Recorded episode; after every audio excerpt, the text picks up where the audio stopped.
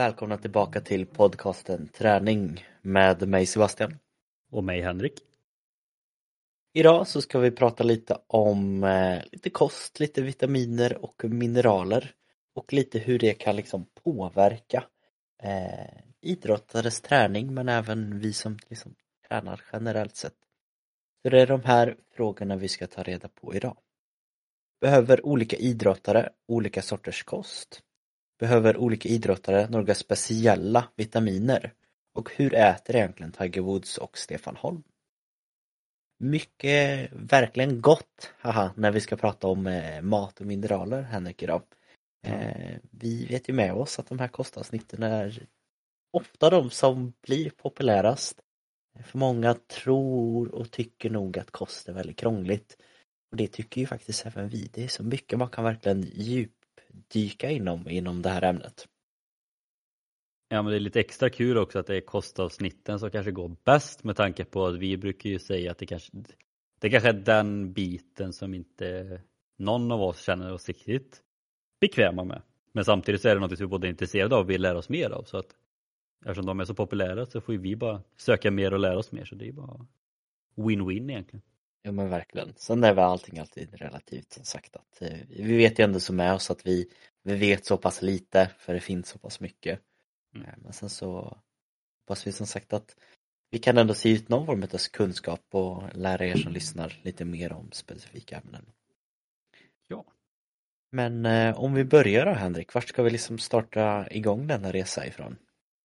Ja, men jag tänker att vi börjar liksom lite där med, ja, kan ta andra frågan kan man säga det med att om man behöver olika idrotter än speciella vitaminer eller framförallt behöver folk som tränar mycket liksom mer vitaminer än de som inte tränar. Och sanningen är väl att eh, nej, det finns ingen anledning till att särskilda idrottare har större vitaminbehov än någon annan.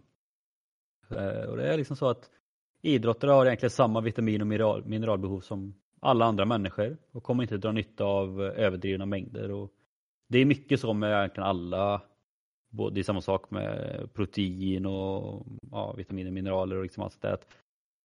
Vissa grejer lagras ju som kanske kolhydrater och fett och vissa saker lagras inte som vitaminer och mineraler utan får man i sig för mycket mängd så kissar man bara ut det sen. Liksom.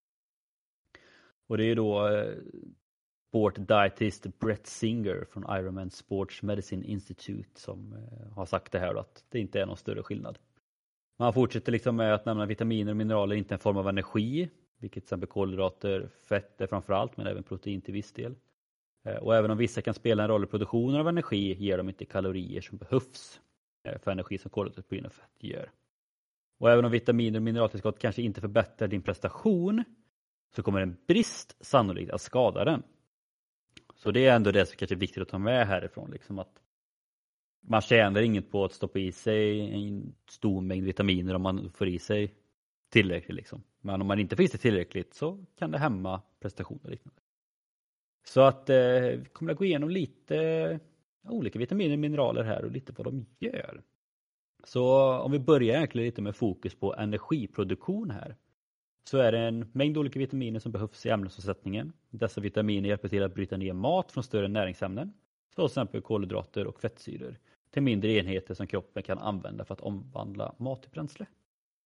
Så om vi börjar här med tiamin, även kallas B1, eh, viktigt för flera metabola vägar såsom nedbrytning av kolhydrater och flerkedjiga aminosyror.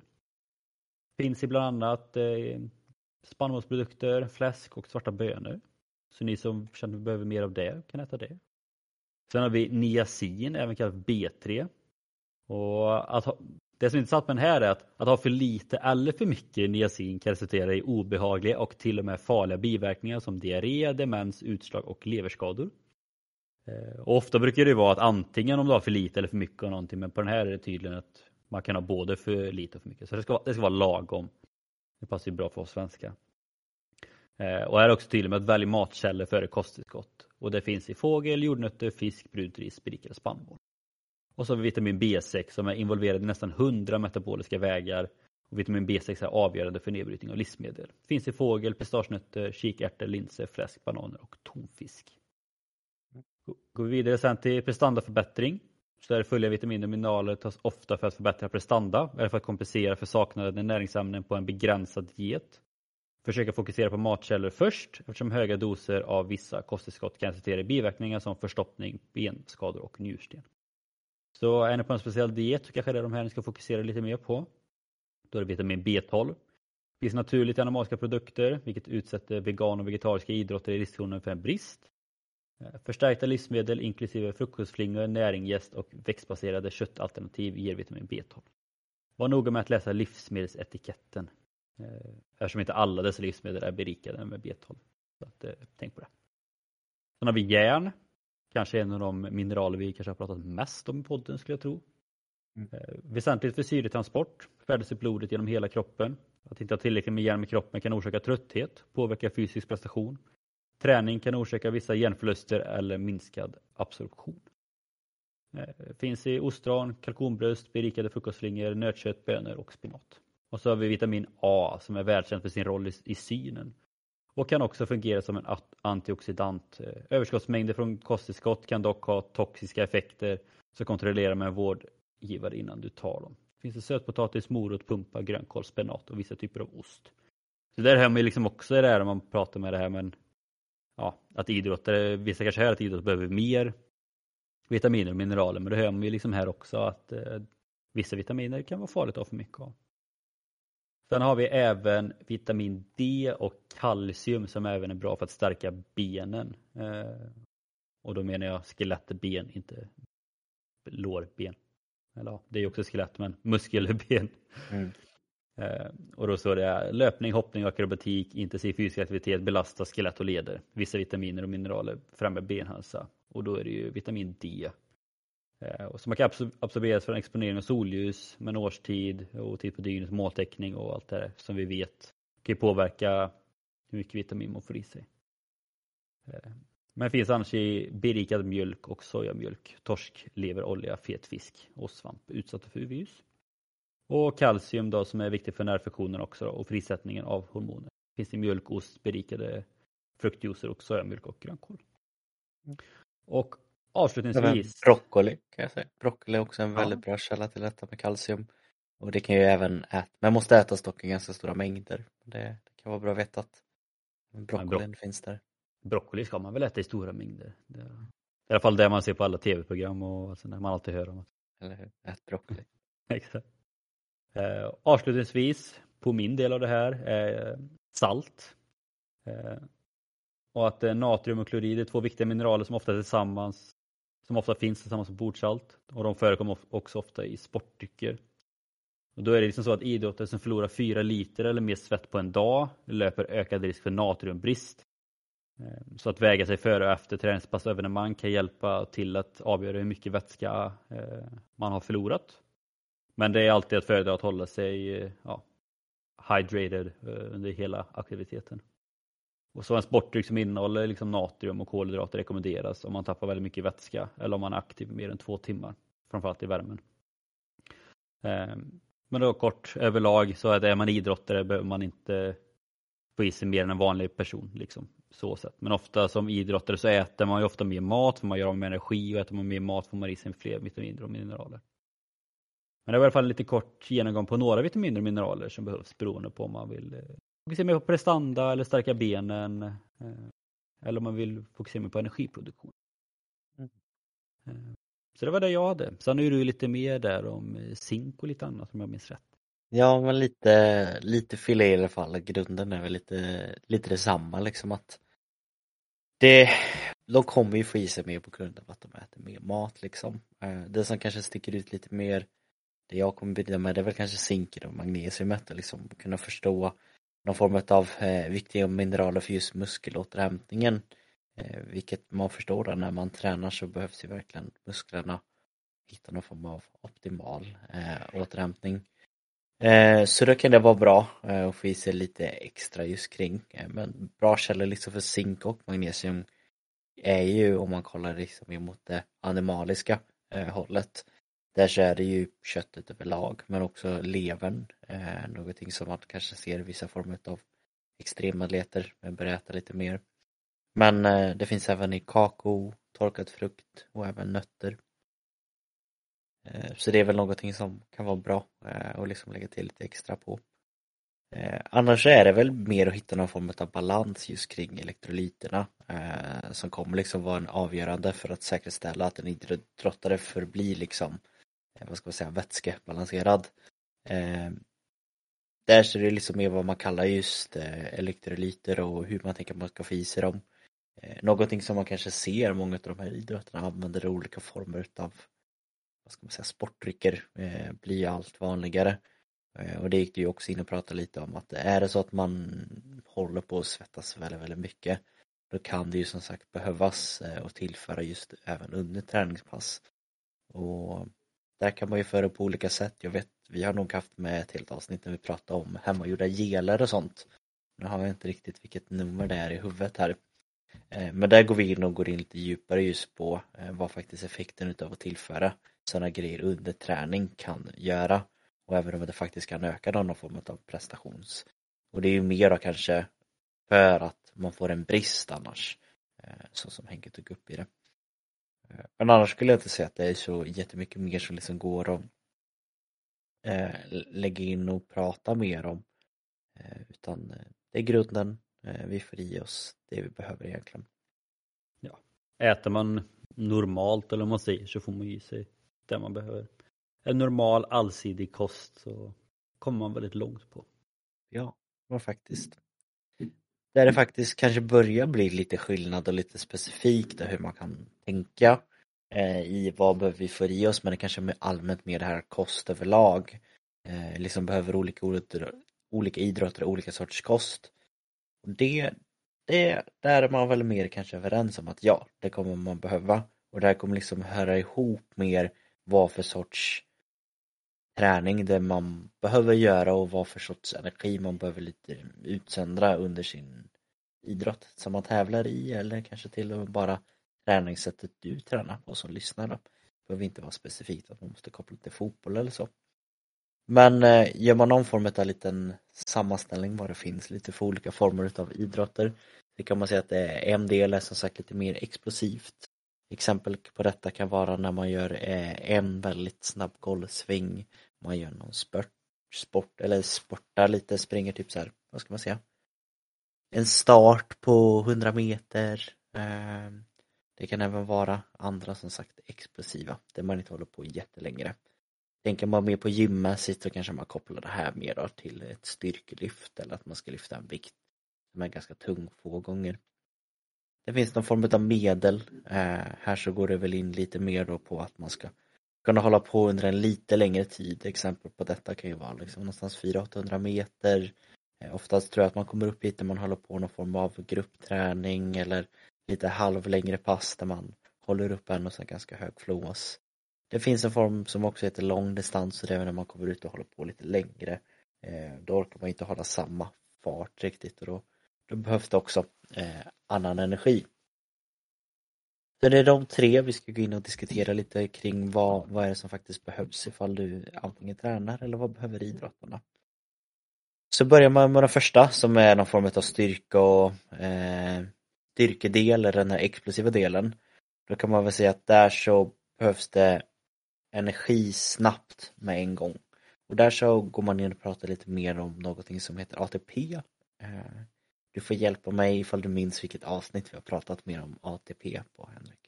Uh, jag kommer inte, jag vet, det är ett par avsnitt, sen vet jag att det är något avsnitt vi har pratat lite djupare om det. Vilket det är mm. kommer, kommer jag inte ihåg. Nu är vi uppe så är många att det börjar bli svårt att ha koll på alla men kort och gott kan man säga liksom ATP är någonting som finns väldigt lite av en energiform eh, som liksom tar slut med en gång. Här så är det väldigt kopplat till med, med idrotter som utför liksom en golfsving, korta sprinter, eh, styrkelyftare ska liksom lyfta e- ett maxlyft. Energin behövs snabbt och sen försvinner den snabbt. Eh, för sådana här idrotter då, eller om du styrketränar på det här sättet, eh, så rekommenderas det ofta någon form av diet eh, där man har tillräckligt med bränsle för att kunna bibehålla en hög nivå av muskler och även en hög nivå av vad ska man säga, en skillnad att det behöver vara väldigt mycket muskler men inte så mycket fett på kroppen för att kunna göra sig så optimalt stark som det går för att kunna få den här explosiva delen. Eh, det här är ju då att man behöver äta någon form av viss diet där man bygger muskler. Eh, Ofta så brukar det ju ligga mer fokus på kanske att man fokuserar mer på proteintaget. Även vissa som går in och argumenterar just för kanske den här ketodieten med mer protein och fett. Men i grunden så kommer det liksom behövas att du behöver få och forma din kropp på så sätt att du kan bygga så mycket muskelmassa som möjligt eh, för att kunna få ut det i detta.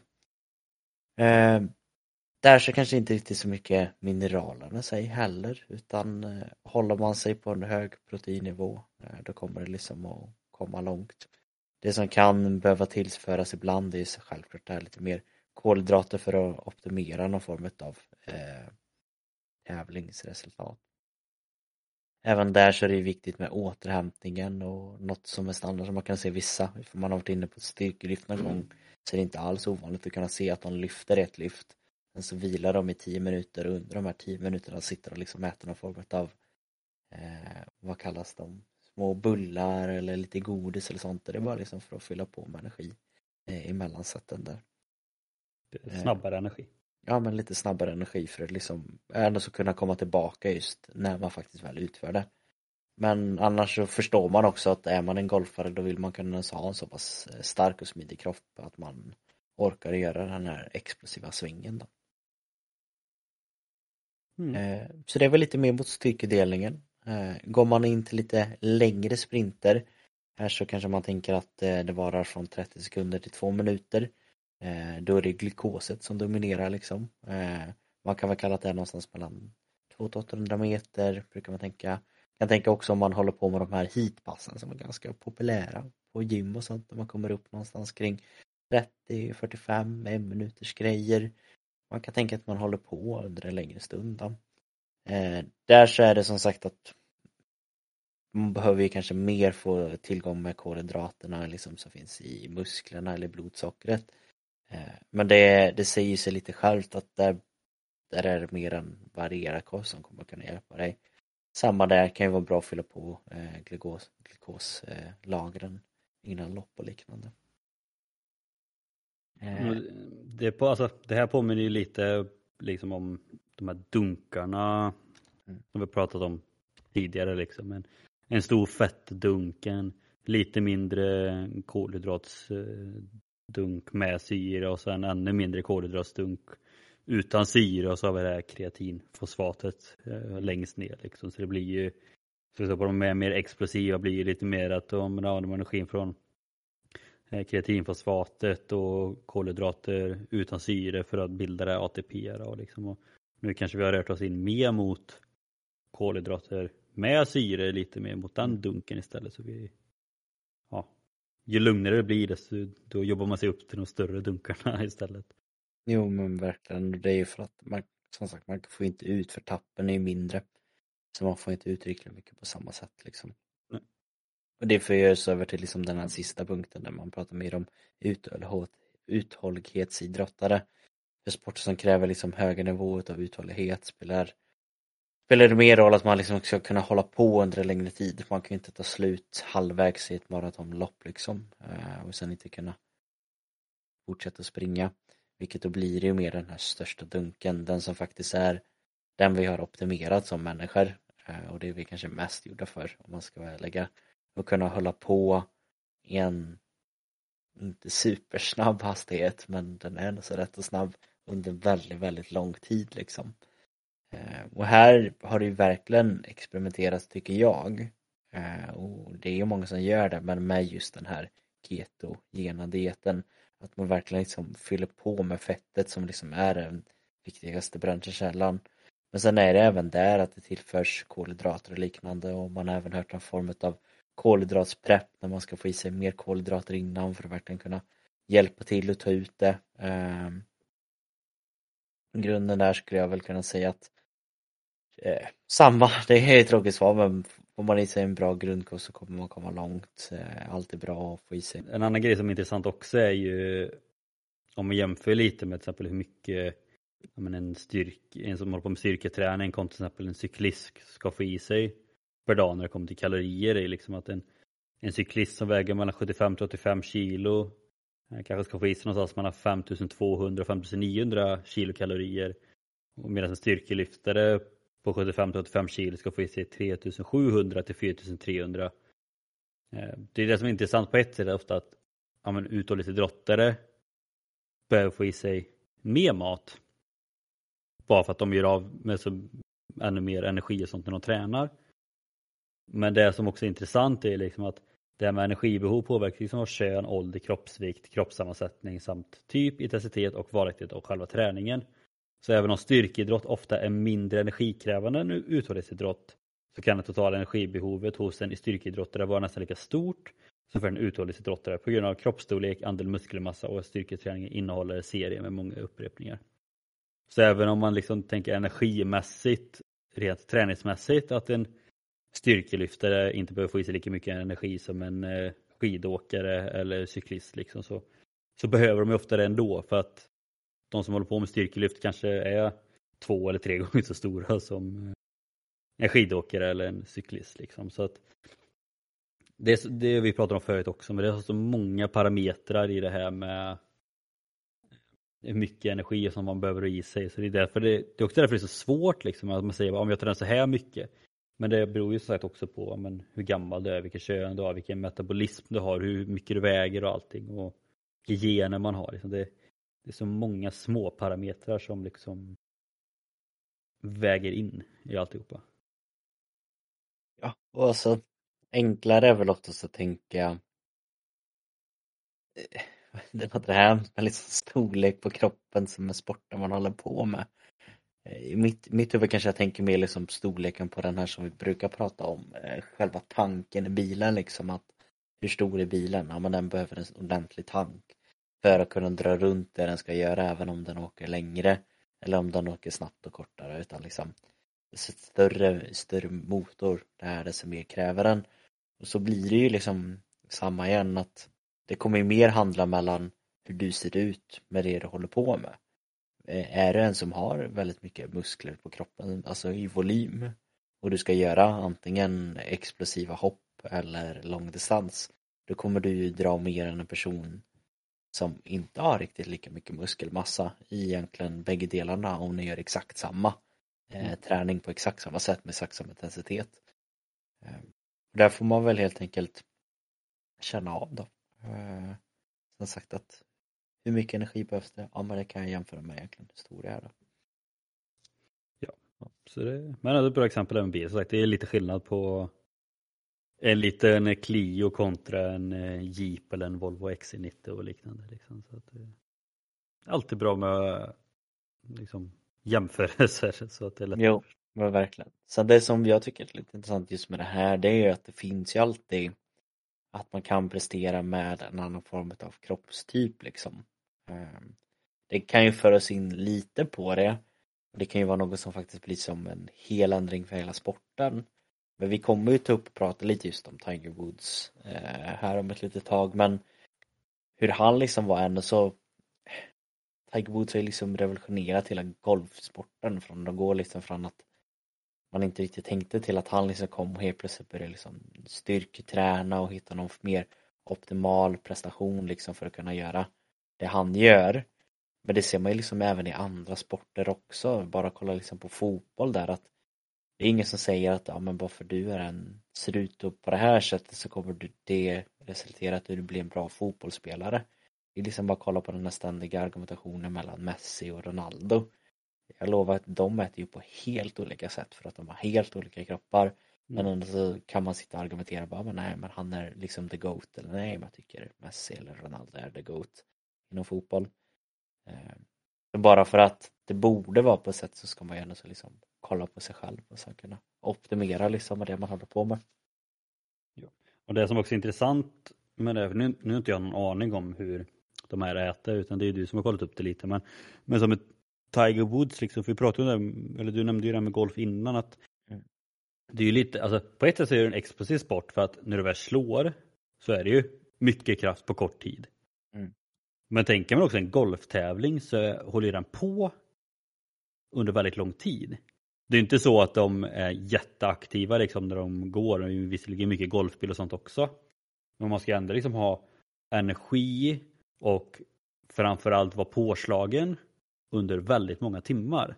Mm. Eh, om man då jämför med Stefan Holm då, som egentligen är samma sak där liksom att du behöver fort, alltså som ett golfslag att du är explosiv och mycket kraft på väldigt kort tid.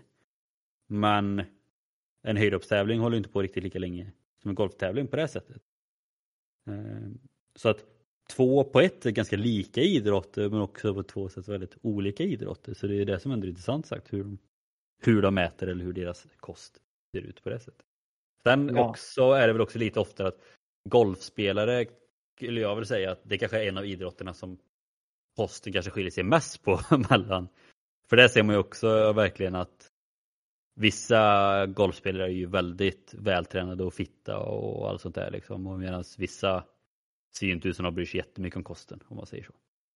Nej, alltså det har väl ändå så eh, kommit till en grej och som man kanske förstår för man börjar komma in lite på golvet i slutändan så kommer det ju faktiskt att handla mer om när man är på greenen, alltså putten, att hur man hanterar det där. Ehm, de allra flesta kommer liksom komma till ungefär samma slag fram dit. Det kanske skiljer så här ett mellan verkligen topparna. Men det är ändå så liksom kan du inte sätta putten även om du gjorde det i slutet då, då, då spelar inte det så mycket roll. Ehm, men jag tror ju att eh, du kommer ju, du kommer ju tjäna väldigt, väldigt mycket på och äta hälsosamt oavsett vilken sport ja. det är. Men eh, det för oss lite till Tiger Woods då. Eh, som sagt en banbrytande inom golfen. Han ändrade ju om hela sättet hur eh, man tänder på golf och hur han börjar träna liksom. Men de tar ju med väldigt tydligt som sagt att även om det är en explosiv sport så Tiger Woods har valt att bygga upp den fysiken som han har. Så är det ju ändå så att de håller på under en väldigt, väldigt lång tid. Som även kan vara under eh, flera dagar att de ska göra detta. Det kan variera vilket väder de är, att det är varmt eller kallt eller blåsigt. Och det kommer självklart påverka hur han liksom äter under själva träningstiden också. Men går man in och liksom kollar på vad han äter och det är väl flera sidor här då har det visat sig att med frukosten den är ganska standard. Han äter han gillar tydligen då att äta omeletter på olika sätt men han vill väldigt gärna att det ska vara med lite extra grönt och annat och liksom försöker piffa till det. Eh, på lunch är det väl det som är någon form av lite standard då, att han liksom, han vill äta väldigt en proteinrik lunch. Ofta tänker han något form av bra protein. Eh, här nämner han mycket kött eller eh, kyckling, eh, även pratar om vissa former av bönor och liknande. Men att det ska liksom vara högt i proteinrikt på grund av det vi pratade om tidigare, att för att kunna hålla upp en bra Eh, fysik så krävs det högt proteinintag men det får inte heller vara för mycket energi så att man lägger på sig lite fett och det är ju även den synen han har liksom på sin träning. Det som är lite intressant då det är att tydligen här så har det kommit fram väldigt mycket att han, han gillar liksom att äta rätt så gott vilket jag tycker är så kul att det kommer egentligen med oavsett vad man än kollar liksom. Eh, kanske ännu mer när han var lite yngre här men det som kommer upp mycket vad, vad han skulle föredra liksom på middag det är en burgare med en milkshake. Eh, det tycker jag ändå så, så här, de skriver väldigt tydligt att trots att de är atleter så kommer alla ha liksom sina eh, favoritgrejer som de liksom kommer tillbaka till. Och i slutändan så är det eh, oavsett vem man är så kommer man alltid någon gång vilja unna sig. Men i grundtanken så är det kanske att de som är höga atleter och kanske framförallt Woodsar som de pratar om så äter han liksom generellt de här mer högproteinrika eh, kosten för att kunna hålla sig lean men ändå så bygger muskelmassa. Men sen som alla så kommer han någon gång att unna sig lite extra. Det vore ju konstigt om inte idrottare skulle ha det liksom. Ja, man bara, ja, men, om du inte börjar tänka på liksom, någonting med så vikt eller din idrott eller något att göra, vad skulle du helst vilja äta då? Och de bara, nej men eh, broccolisoppa hade jag nog gärna valt liksom då. Då hade du nästan blivit orolig för dem. Ja, men det, det håller jag med om. Och det liksom kommer med väldigt mycket här i en av de olika. Så jag tycker att de pratar mycket om att hur det ser ut olika. De pratar om Michael Phelps, vi kan ta med honom också. Han äter otroligt mängder med eh, mat. Han äter 12 000 kalorier per dag. Eh, vi pratar om en annan liksom som är med i OS, eh, en av eh, de här, vad ska man säga, som håller på med eh, ringar och liknande som vill egentligen vara så lätt som möjligt. Han tänker på varenda gram han äter liksom och någon annan säger att ja, det jag äter inte ens frukost. Någon annan som är inom snowboard säger att ja, jag äter egentligen i princip vad jag vill. Och trots att de äter så pass olika så kanske det har blivit någon mer form av standard ändå kring de flesta att man ska äta ganska rent. att skräpmaten är kanske inte riktigt lika inne som det var förut men eh, top of the top kommer någon gång undan sig den här hamburgaren eller något extra liksom. Ja men det är lite som vi pratade om i var det, nej det var två avsnitt sen, just det, vårt, vårt viktigaste avsnitt. Så har ni missat det, gå in och lyssna på det. Eh, men det var ju som jag lyfte liksom lite där, liksom, att jag har ju aldrig egentligen ansett att jag har den bästa kosten. Men jag försöker ändå ofta laga min mat från grunden med bra råvaror liksom och då blir det ju ändå bra mat. Mm. Så det är väl lite det som du nämner liksom här att, amen, att många äter väldigt olika men så länge man ändå äter rent som du sa, eller liksom bra råvaror så kommer man väldigt långt på det oavsett om man är en vanlig människa eller elitidrottare egentligen. Mm. Så rör man sig kanske då ifrån ett muskelpaket som kanske kändes så Tiger Woods var i sin prime så det över över till någon som man kanske inte riktigt tänker på wow vilket muskelpaket när man får upp en bild. Det är Stefan Holm. Eh, Legend. legenden då. Men eh, här så pratar de liksom om att om man någon gång kollar på Stefan Holm i, i en höjdfinal så märker man då kanske att han hade liksom inte ens ett uns fett på kroppen. Bara muskler och explosiv kraft. Men det frågan många ställer sig då, är han mager? Och på det har Stefan Holm svarat nej. Om jag inte åt tillräckligt mycket så skulle jag inte kunna hoppa så högt som jag gör. Och det tycker jag är väldigt eh, sunt utav han. Eh, han säger att han äter väldigt, eh, även där, rent. Bättre att äta liksom ren mat och han försöker mer undvika godis, efterrätter, feta såser och annat som jag kunde stoppa i mig tidigare. Eh, just i höjdhoppen eh, så är det så specifikt till att desto lättare man är, desto enklare är det liksom att flyga över detta. Och detta var någonting som Stefan Holm blev medveten av när han eh, Ja, men han var 1,81 lång, han vägde 69 kilo och eh, efter ett litet tag då när han hade börjat flytta lite hemifrån så märkte han då att som ungkarl så blev det väldigt mycket korv och pasta. Jag stekte falukorven till lunch och stekte churros och det andra och det var så jag levde ett tag när han levde som ungkarl i Karlstad här. Men efter ett tag då så började han förstå helt enkelt att jag måste ändra om kosten lite tydligare. Eh, han eh, under den här finalen som är liksom legendisk så vägde han liksom två kilo mindre än han hade gjort eh, tidigare någon form av normalvikt så han gick in på någon form av dieter kallar han det själv men de här två extra kilorna gör ju väldigt mycket om man kan bibehålla också den totala kraften för att verkligen kunna flyga över den här ribban. Eh, så den tycker jag är liksom intressant, just kunna jämföra två toppatleter där en av dem kanske är väldigt specifik till vikten eh, så som höjdhopparna är. Mm. Eh, något som man också tar upp och som kanske inte många vet som jag ändå vill ta upp eh, som inte jag visste var känt. Men här står det väldigt tydligt, som många vet så är höjdhopparna eh, är annars kända för att döva sina hungerkänslor med nikotin. Ingen gren inom friidrotten har så många rökare som höjdhopp. Eh, det här var inte någonting som jag alls hade hört tidigare. Nej. Men eh, ändå då... förstår, alltså så här, eller inte förståeligt, men så här, är det någon gren i friidrotten som skulle kunna göra det så är det väl typ Ja men det är väl det att de kanske kan, förr kanske det också var lite mer som de pratade om att eh, förr kanske det var lite mer acceptabelt då. Eh, att man liksom använde det för någon form av döva hungern för att kunna bli enklare att flyga över. Jag vet att samma effekt har liksom använts inom ballatten så det vet jag har mm. varit samma att de, de har alltid rökt väldigt mycket de ska vara så hälsosamma. Men, eh, det är ingenting vi står bakom och eh, stöttar. Ja, nej men verkligen det det är ingenting vi står bakom men det är liksom någonting som också Stefan Holm eh, var här och pratade om att eh, han tyckte det var sjukt att det är många som brukar liksom så här svälta sig inför tävlingar och inför den stora dagen åt nästan ingenting. Eh, det är liksom så här det har liksom blivit en del på uppladdningen säger Stefan Holm att många gör det men det tycker jag är lite sjuk kan, kan, kan, det verkligen, kan det verkligen funka? För jag menar så här, visst du ta bort hungerkänslan så du kanske går ner några gram eller kanske något kilo om tur. Men om du äter mindre så, alltså så här, jag tänker att musklerna måste vara så trötta. Du, du du lär inte kunna få samma explosivitet i hoppet sen eller? Nej, jag tänker också det. Men sen så är det väl väldigt stereotypiskt även det som det står här att det kanske är mer nu för tiden någon form av eh, öst, eh, österländsk tradition. Eh, Ja. Att de står där, det är någon 19-åring Eh, eh, Baba från Tjeckien som står och röker men gör det aldrig offentligt. Och sen så brukar de som sagt även svälta sig några dagar in, innan och även nästan inte äta någonting alls under själva mästerskapet.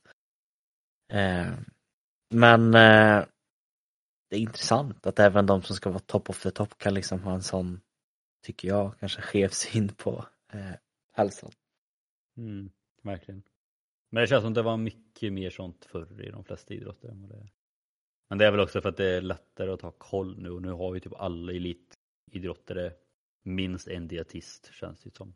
Tillgänglig någonstans liksom. Det... Men verkligen. Men eh, lite som sagt, två atleter, en äter eh, lite mer än den andra. Men det går väl inte att, tycker jag i alla fall, argumentera att de ändå så är några av de främsta i alla fall inom sin sport genom tiderna. Eh, det kan se olika ut. Känner du att det är något mer som vi vill ge ut till våra eh, lyssnare här i nuläget, Henrik? Nej, alltså det är väl bara om man ska göra liksom en kort recap så kan man liksom bara säga att när det kommer till just vitaminer och mineraler så spelar det ingen roll om du är vanlig människa eller idrottare liksom. Eh, när det kommer till behovet. När det kommer till den vanliga kosten så är det klart att idrottare gör av med mer energi, då behöver de få i sig mer energi också.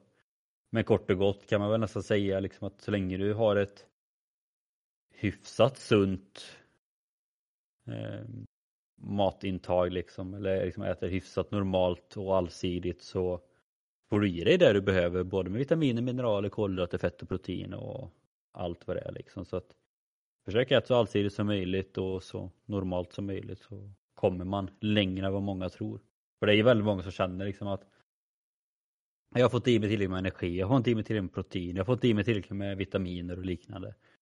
Eh, men äter man ändå hyfsat normalt ändå så får man ändå i sig mer än vad man tror. Ja. Så det är väl det. Ja, faktiskt. Det som går att tänka på tänker jag väl är Håller man på med mer längre pass så kan det tillföras extra eh, grejer eh, och då kommer det igen, men det är på grund mer av bristen eh, kommer alltid vara det här järnet då eh, som vi har tryckt många gånger på som kan behövas tillföras lite extra, kanske framförallt eh, för kvinnor. Mm. Och har man koll på de delarna då, då är det bra. Eh, Det är väl mer när man går in och börjar göra sådana här olika former av dieter som det är extra viktigt ha koll på tycker jag då, vad man faktiskt får i sig. Till exempel liksom vegankosten. Att, Mm. eh, Man kan inte bara äta tomater och broccoli. Eh, Men man kan försöka. Men det är ju lite som vi sa förra veckan där liksom med att ta hjälp då. Det är samma sak här liksom. Alltså vissa vitaminer och mineraler också. Vissa av dem eh, kissar man bara ut, man får i sig för mycket. Men vissa kan ju ändå påverka hur man mår liksom, även om man får i sig för mycket. Så att är du osäker på om du får i dig för lite, ja, men, eller om du ska testa någon ny diet, om du ta hjälp av en expert eller kolla upp det liksom innan du börjar mixtra för mycket. För att det är ju onödigt att börja lägga massa pengar på extra mat eller kosttillskott om du redan får i dig maxbehovet och sen så antingen så slänger du bara pengar i sjön eller så kanske du bara mår ännu sämre för att du får i dig för mycket av någonting. Så att, är du osäker på vad du får i dig om du ska få i dig mer eller mindre av någonting så ta hjälp av en expert. Mm. Annars är det väl som sagt med de orden så kommer vi att tacka för oss. Eh, vi påminner er om som alltid att gå in och följa oss på Instagram, att Traning Podcast. Där vi lägger ut lite smått och gott och nu har vi hållit i det ännu längre. Nu är vi faktiskt duktiga på att slänga ut bingos, uppdatering på vilka pass det är, stories om eh, hur Henrik kanske åker skidor eller tränar in tomteluva eller du är ute på en cykelgrej. Jag tror vi har varit bättre under 2023 än vad vi har varit under hela resten av karriären. Jo men faktiskt, så det kommer ju fortsätta hålla den eh, roliga nivån och jag hoppas att vi kommer inom kort Vi kommer inte avslöja vad det är men kanske kunna erbjuda ytterligare en sociala medier kan man säga tillfälle där ni kan få eh, lite mer content ifrån oss och kunna faktiskt bli inspirerade på andra sätt också. Jajamän. Men- Men innan vi avbryter så vill jag i alla fall och jag hoppas att ni som lyssnar också gör det önska Sebastian ett stort lycka till för på söndag så ska han åka Vasaloppet upp ett spår som han har tjatat om nu i, vad är det, två år nästan. Ja, Tre ja jo, det, Ja. två år är det nog. Ja, just det. det Så nu smäller det.